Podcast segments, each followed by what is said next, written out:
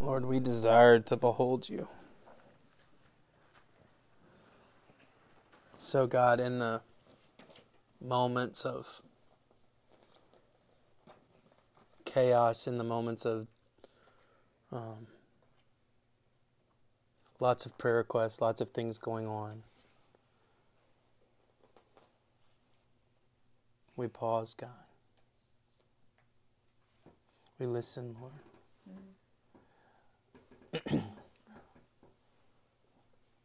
Lord, that word behold has so many layers to it. We think of your kingship. We think of the you on the cross. We think of you riding on the white horse. We think of you sitting at the right hand of the Father. Mm. But Lord, as that first song said, we think of you as catching our eye and acknowledging you know us. Just with a head nod and a glance, a wave, excited to see us, Lord, I pray that visual over every person here. That the King of Glory is my friend. In the fullness of his judgment, in the fullness of his power, in the fullness of his grace and authority. Lord, we thank you for that. Be with us in these moments. In Jesus' name, amen. Well, um, for those of you that are doing the fast in some form or fashion, we're day four. So hopefully, uh, it sounds funny. Hopefully, you've hit the wall. If you haven't hit the wall, it's going to happen this afternoon. Um, but uh, as we're fasting, as we're asking the Lord, um, we always talk about fasting for something, not just from something, right? Like, I want more intimacy, more of the Lord, not just not to eat meat for 21 days, right? And so um, the the clarity that always comes out with a fast is something that I always cherish, like the Lord speaking clearly. And so, if you have your Bibles, we're going through the Bible through the year. Uh, today we read John chapter 10. We're going to be in John chapter 10. I'm going to back up a little bit into 9, but in John chapter 10. So, Jesus has lots of, hey, both of our kids need to sit still, okay? Jesus has lots of um, things that. Uh, sorry, y'all. I'm. I have to say this. So in the Daniel fast, during the Daniel fast, um, at the end of the Daniel fast, do you know what happens? Michael the archangel shows up to Daniel, and he said, "I've been trying to get to you for 21 days." And he says this weird thing that none of us know, and Disney made a movie about it, which is creepy. Um, the prince of Persia has been keeping me from coming to you. Uh, it's called Prince of Persia. Go look it up on Disney Plus. They have a Disney Plus has a there's a Prince of Persia. But watch, so watch this this territorial thing. Listen to me. This territorial thing prevents the clarity of the thing the Lord's doing for the 21 days. So y'all, I don't know if you sense in the realm of a hesitancy, a block, something there for all of us, let's just push past it, right? Let's push past it, and the clarity of the Lord's going to show up. If it's distraction, if it's something in your spirit, something that's going on, sometimes when we gather and we worship, the Lord just shows up instantly, and sometimes it feels like we're kind of coming out of the muck and out of the junk. Um, let's just press in and see what God's saying. And I love that. I just used monk and junk. Um, because in John chapter 9, that was like a professional segue there. I didn't mean to do that. Um, in John chapter 9, um, Jesus has this moment that for us in the room in 2020, we don't realize the gravity of it.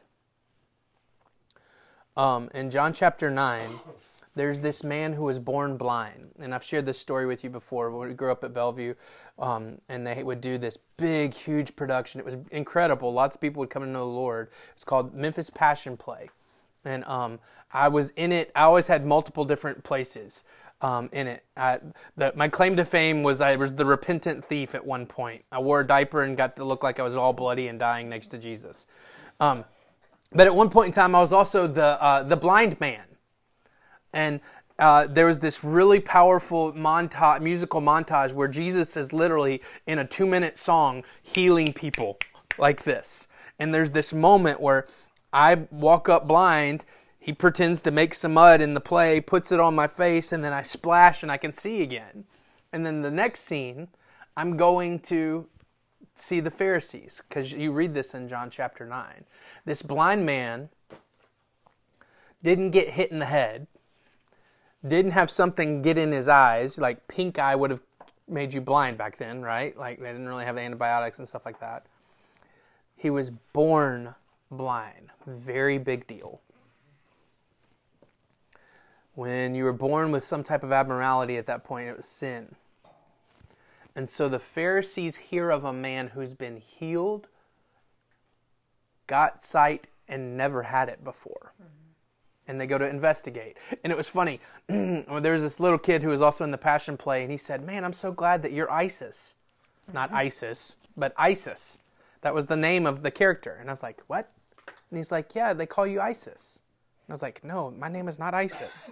and he says, Yes, when you walk up, the Pharisee goes, Ah, yes, the blind man. and he thought my name was Isis. And it was just, Ah, yes, the blind man. Yeah. So I walk up to the Pharisees and the character, but the reality of a man really walks up to this Pharisees and says, I don't know what you guys are talking about. I couldn't see, I can see. And they get him on a loophole, right?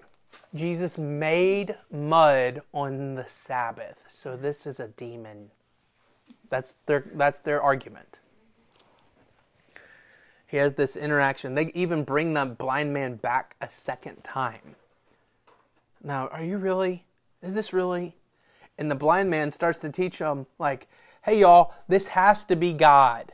And they say, Who are you, this sinner born blind, to talk to us? And he's like, I ain't blind no more, right? Right? He walks out, walks out of the temple, runs into Jesus and they have this interaction. Watch John 9, verse 39. And the Pharisees are listening while this happens. The blind man saying, Hey, they're not listening to me. I don't know what's going on. And Jesus replies and says, verse 39, For judgment I came into the world. Wait, hang on. For God so loved the world that he sent his only Son. Is love and judgment the same thing? We don't think that, but it is. For judgment I came into the world that those who do not see may see. But there's no period at the end of that statement. For those who see may become blind. Y'all, do we think of Jesus one who makes people blind? Verse 40. Some of the Pharisees near him heard these things and said to him, Are we also blind? What are you saying, Jesus? Like, are you calling us out? And Jesus says, If you were blind, you would have no guilt. But now that you say, We see, your guilt remains. Think about this for a moment. Jesus came to give sight to the blind and blind those whose vision isn't his. Let me say that again. It's a lot to process. He came to give sight to the blind, but blind those who have an alternative vision. an alternative vision being something outside of the Lord. These are the ones who are the religious teachers of the law. They're saying, uh uh-uh, uh we don't interact with sinners. What are you doing? No man can do this. Only God can do this. And Jesus is going, Yep, you got it right. Listen to me. He will blind you if you're holding on to your own vision. The moment that we let go of our own vision, we see clearly. That sounds like some New Age matrix stuff, right? But the reality is, there's this massive faith step. So think about this for a moment, y'all. I don't see how he sees. His ways are not my ways, or let me say it the other way around. My ways are not his ways. And then we get into the heart of what I want to teach. He sets up, interacts with the Pharisees on that and then we flip the page. You know, there's no chapters. Jesus didn't say, All right, time out, two minute warning. I'll come back when the next chapter starts. No. That didn't happen. Jesus says this back and forth with the Pharisees and then shouts to anyone who's listening. Verse 1 of John chapter 10. Truly, truly, Hear ye, hear ye, read all about it. Let me get your attention. I am speaking truth, is what he's saying. I used to say this when I was teaching students because I used to say it all the time. Hey, y'all, watch this. That was my like go to, right? Like to keep the students' attention. Hey, watch this. Jesus is saying, hey, let me get your attention. I'm about to drop some information on you. Truly, truly, I say to you, he who does not enter the sheepfold by the door, but climbs in another way, that man is a thief and a robber. Watch. But he who enters the door is the shep- uh, uh, the door is the shepherd of the sheep. To him the gatekeeper opens. The sheep hear his voice. He calls his own sheep by name and leads them out.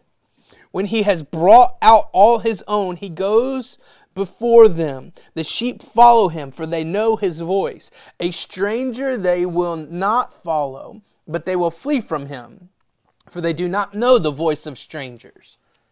This figure of speech Jesus used with them, but they did not understand what he was saying to them. So Jesus again said to them, Let me try again. Listen, listen. Truly, truly, I say to you. And for the third time, in the life of Jesus that's recorded for the second time in front of the Pharisees, Jesus uses a very holy word I am the gate or the door. I am the door of the sheep. All who came before me are thieves and robbers, but the sheep did not listen to them. And just to say it again, he says it again. I am the door. If anyone enters by me, he will be saved and will go, go in and out and find pasture. Watch this, y'all. Please, please see this. And it's so appropriate for us to be fasting as I say this to you. An ongoing relationship with Jesus is only on His terms. I don't know about previous relationships. Some of you guys have been married a long time, some of you a short time, some of you never at all, or you've just been in a dating relationship. But have you ever been in a relationship when everything was on the other person's terms? It's not fun. hey, you want to go out? No, I'm not going out today. Hey, where do you want to eat? Uh, we're doing Burger King again. like, like, if it's always on someone else's terms, it doesn't work. But with a holy God who has my good, best, in, goodest is almost what I said, my best intention at heart, I can trust that my relationship with Him be fully on His terms and not on mine at all. Watch how I feel, how I react, what I think has to be asking Him. Codependency works with the Holy God.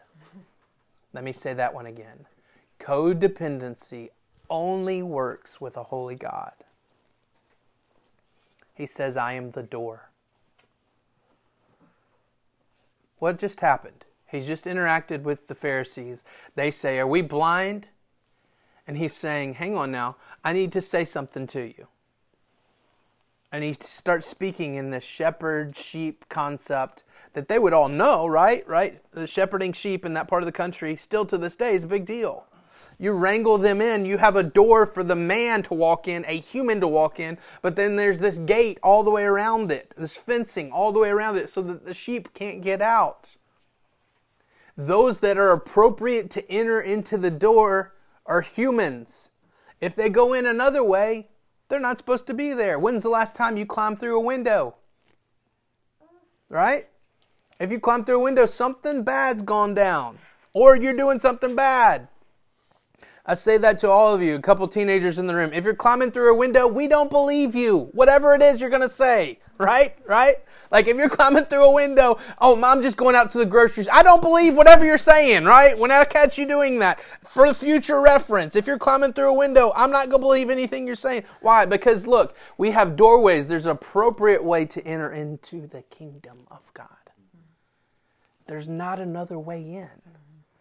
It's the reason why I told those guys we needed to sing, You are the way, the truth, the life.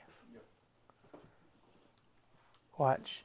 Those who come in another way are only there to exploit for their own benefit.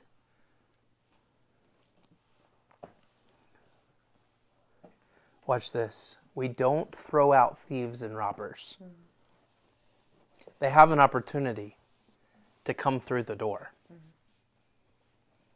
Thieves and robber, robbers have their place in the kingdom of God, but only if they humble themselves to Jesus' lordship.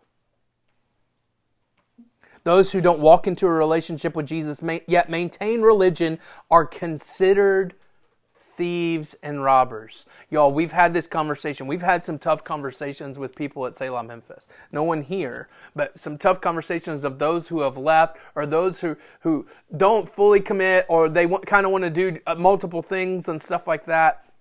Hey, I fully want you to be plugged into a church family, but to propagate or pop in, pop out, to only benefit from a little bit and only take and not give. I'm about to say a bold statement. That means we're a thief and a robber.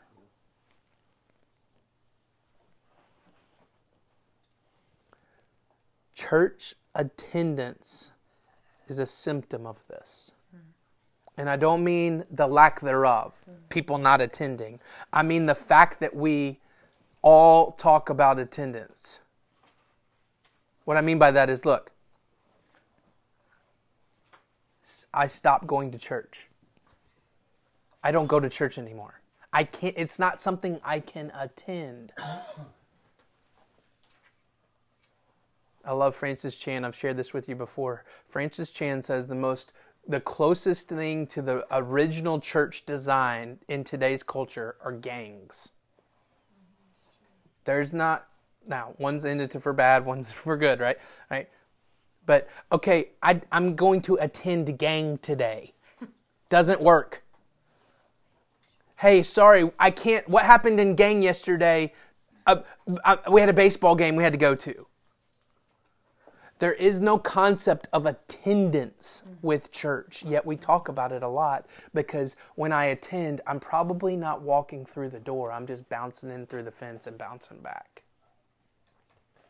I'm there to exploit. That's a big word, but let me make it a little more simple. I'm there to just receive and not give. When the church is designed for all of us giving the gifts that God's given us, I'm going to show up and get something out of it for me. I have a gift. God has given it and I must use it to minister to others. Otherwise, I'm just hopping the fence. See, this is point two. When I focus on my needs, everything I touch, I steal, kill, and destroy. You heard John 10 10 before, right? I'm going to read it to you. Now, the thief comes only to steal, kill, and destroy. I came that you might have life and have it abundantly. Let's let's be real for a moment. We're all going to fall into it. It's a trick question, but please fall headlong into the trick question. Who still kills and destroys? How have you been taught before? Right. We've been taught the enemy is the thief. Look over it again, y'all. It's easy to place the blame somewhere else, but we are the thief and robber. Oh, family. What I get out of church, when I approach that mentality, I am stealing from what I can give others. My feelings about methods, doctrines, and theologies, y'all, we'd have those conversations on a daily basis. That is killing the work of the Holy Spirit. But watch this. This one's oh, even steps on my toes. Compartmentalizing God as a way to live the Christian life. I am destroying the kingdom work. Yeah, I'm gonna say. I almost, I almost put these on the screen. I should have. Yeah. Let me say it again. When I approach church to get something out of it, I'm stealing from you all. When I express my feelings about methods, theologies, and doctrines, I'm killing the work of the Holy Spirit. when I compartmentalize God and assume that's the way to live life, I'm destroying the kingdom work of God in and through my life. When I compartmentalize God as a way to live life, I'm destroying the kingdom work in and through my life.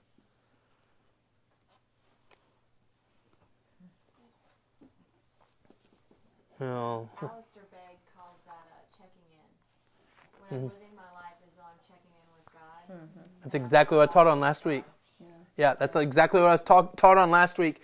Where the Tower of Babel, remember they're building the Tower of Babel, and God comes to check in. Hey, what are you guys doing? The fact that God is not ever present in the middle of it. Hey, I don't need you to sit up. Sit up.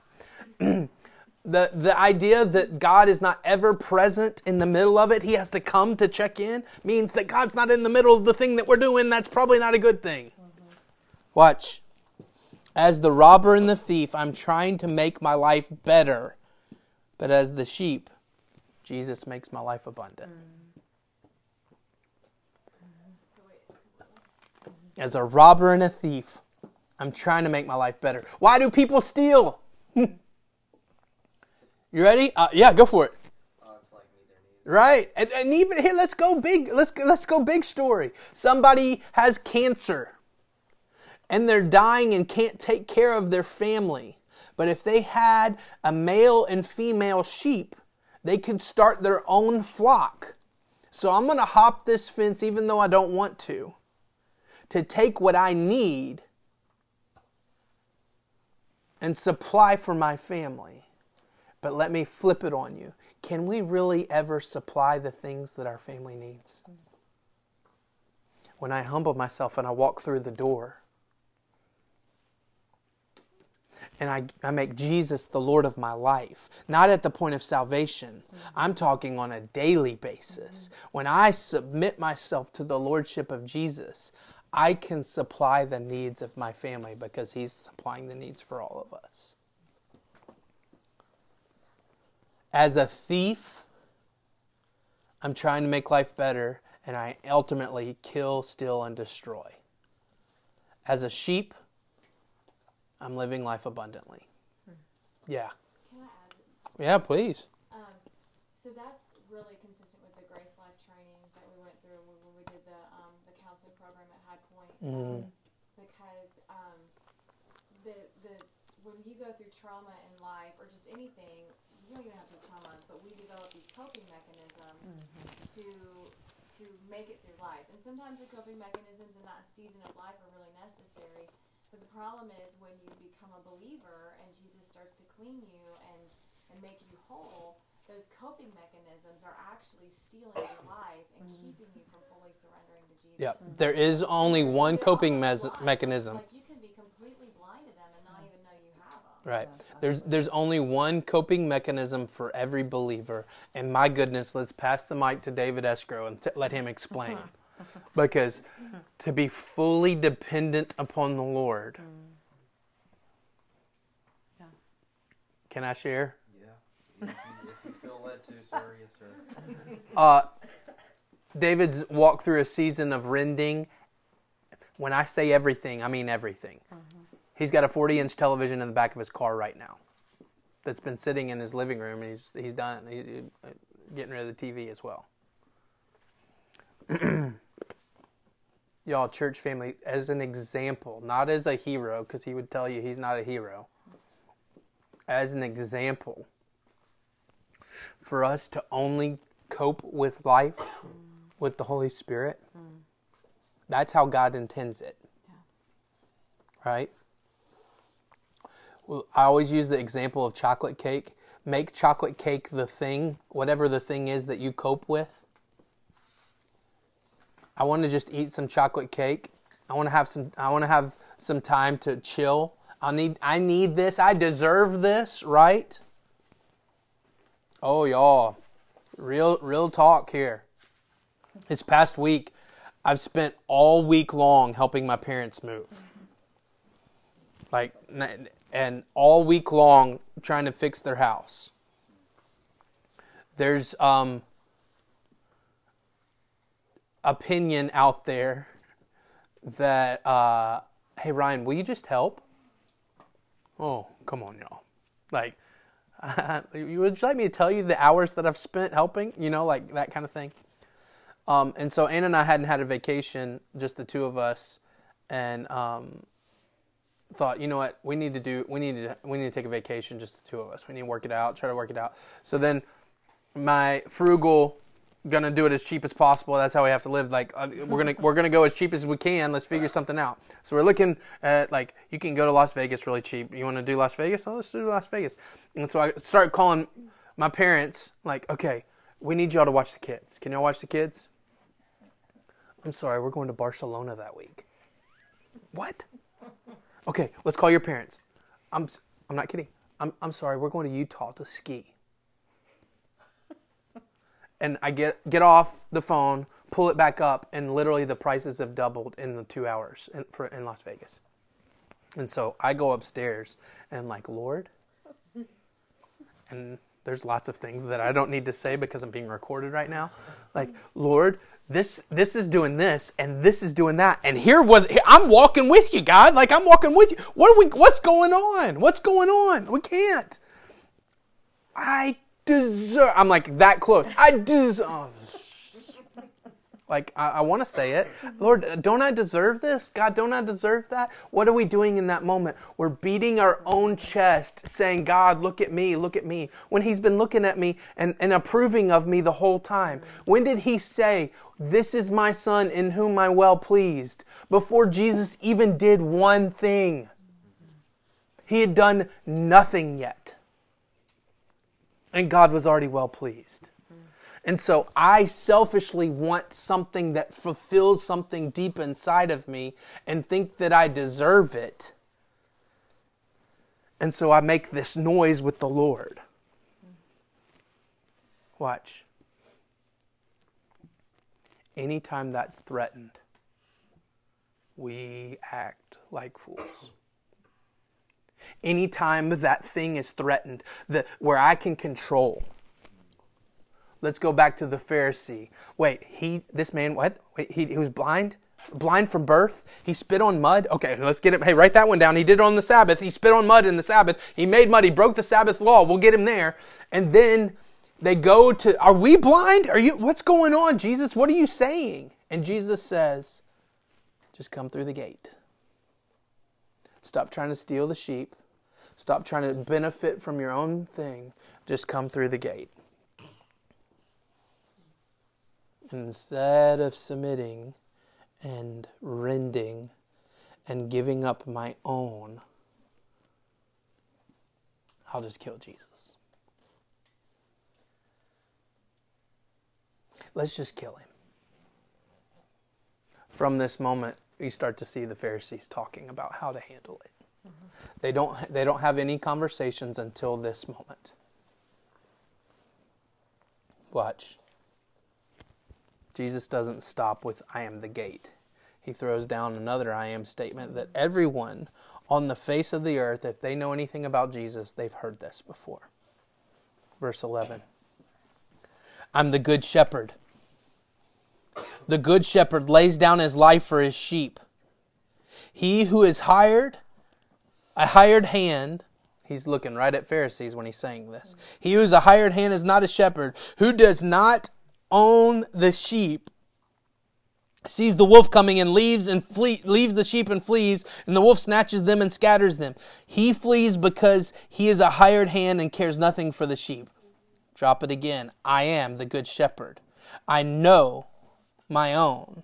My own know me. Just as the Father knows me, I know the Father, and I lay my life down for the sheep. And I have other sheep that are not in this fold, and I must bring them also, and they will listen to my voice. So there will be one flock, one shepherd. For this reason, the Father loves me, because I lay my life down and I take it up again. No one takes it from me, but I lay it down in my own accord. I have the authority to lay it down. I have the authority to take it up again. This charge I have received from the Father. Jesus is the good shepherd who is fully invested into giving abundantly to his sheep.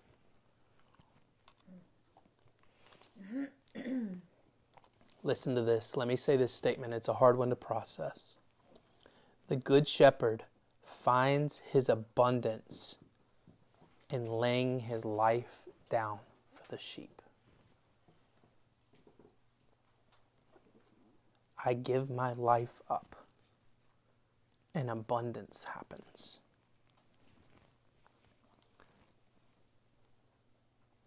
Listen to this. Verse 18. No one takes it from me, but I lay it on in my own accord. Hey, watch this. No robber, thief, or wolf threat is a threat to the Good Shepherd. So death is not a threat. Every night when the kids, especially Finley, struggles with getting worried, I've told the kids since I was little, I'll say, hey, what's my job? What's my job? To protect her. And then every now and then I'll say, who protects me? Who protects me? Jesus. The idea is this that we have authority that the Lord's given. Mm. And in that authority, we have to model His authority. Mm. And what does He do with His authority? He doesn't give it up, but He lays down His life. Mm. Yeah. I am the good shepherd, and I lay down my life for my sheep. Watch this. He says this again. I know my own, and they know me. The good shepherd has an intimate relationship with his sheep. Who names sheep? Nobody names sheep, but the good shepherd names sheep. Mm-hmm. And then he correlates it to this. In the same intimate relationship that I have with the Father, I have with the sheep. Think about what that does to a Pharisee. The same intimate relationship that I have with the Creator, the Yah- Yahweh, the Jehovah, God, I have with these sheep. on the night that Jesus was going to die, he's praying to the Father. In John 17, verse 20, he says this I do not ask for these only, but I ask for those who believe in me through their word, mm-hmm. that they may all be one, just as you, Father, are in me and I are in you that they also may be in us, so that the world may believe that you have sent me. Y'all, we have an invitation into the Holy Trinity. Mm. We have an intimacy with the Son as the Son has with the Father, and the Father has with us, and the Spirit has with the Son, and the Spirit has with us. The communion concept is in the Holy Trinity.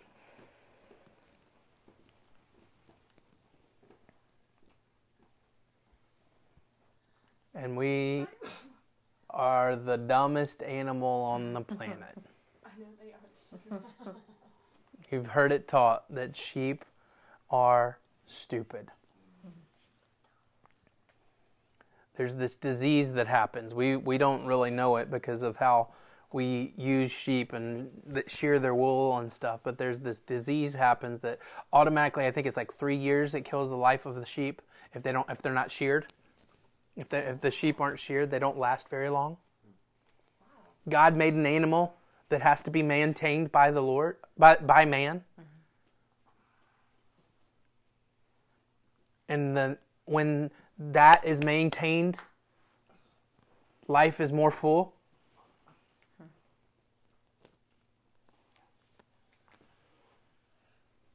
Family, please hear. The Good Shepherd is found in Jesus. The Good Shepherd modeled living his life by laying it down and thus gives us abundantly. Let's pray.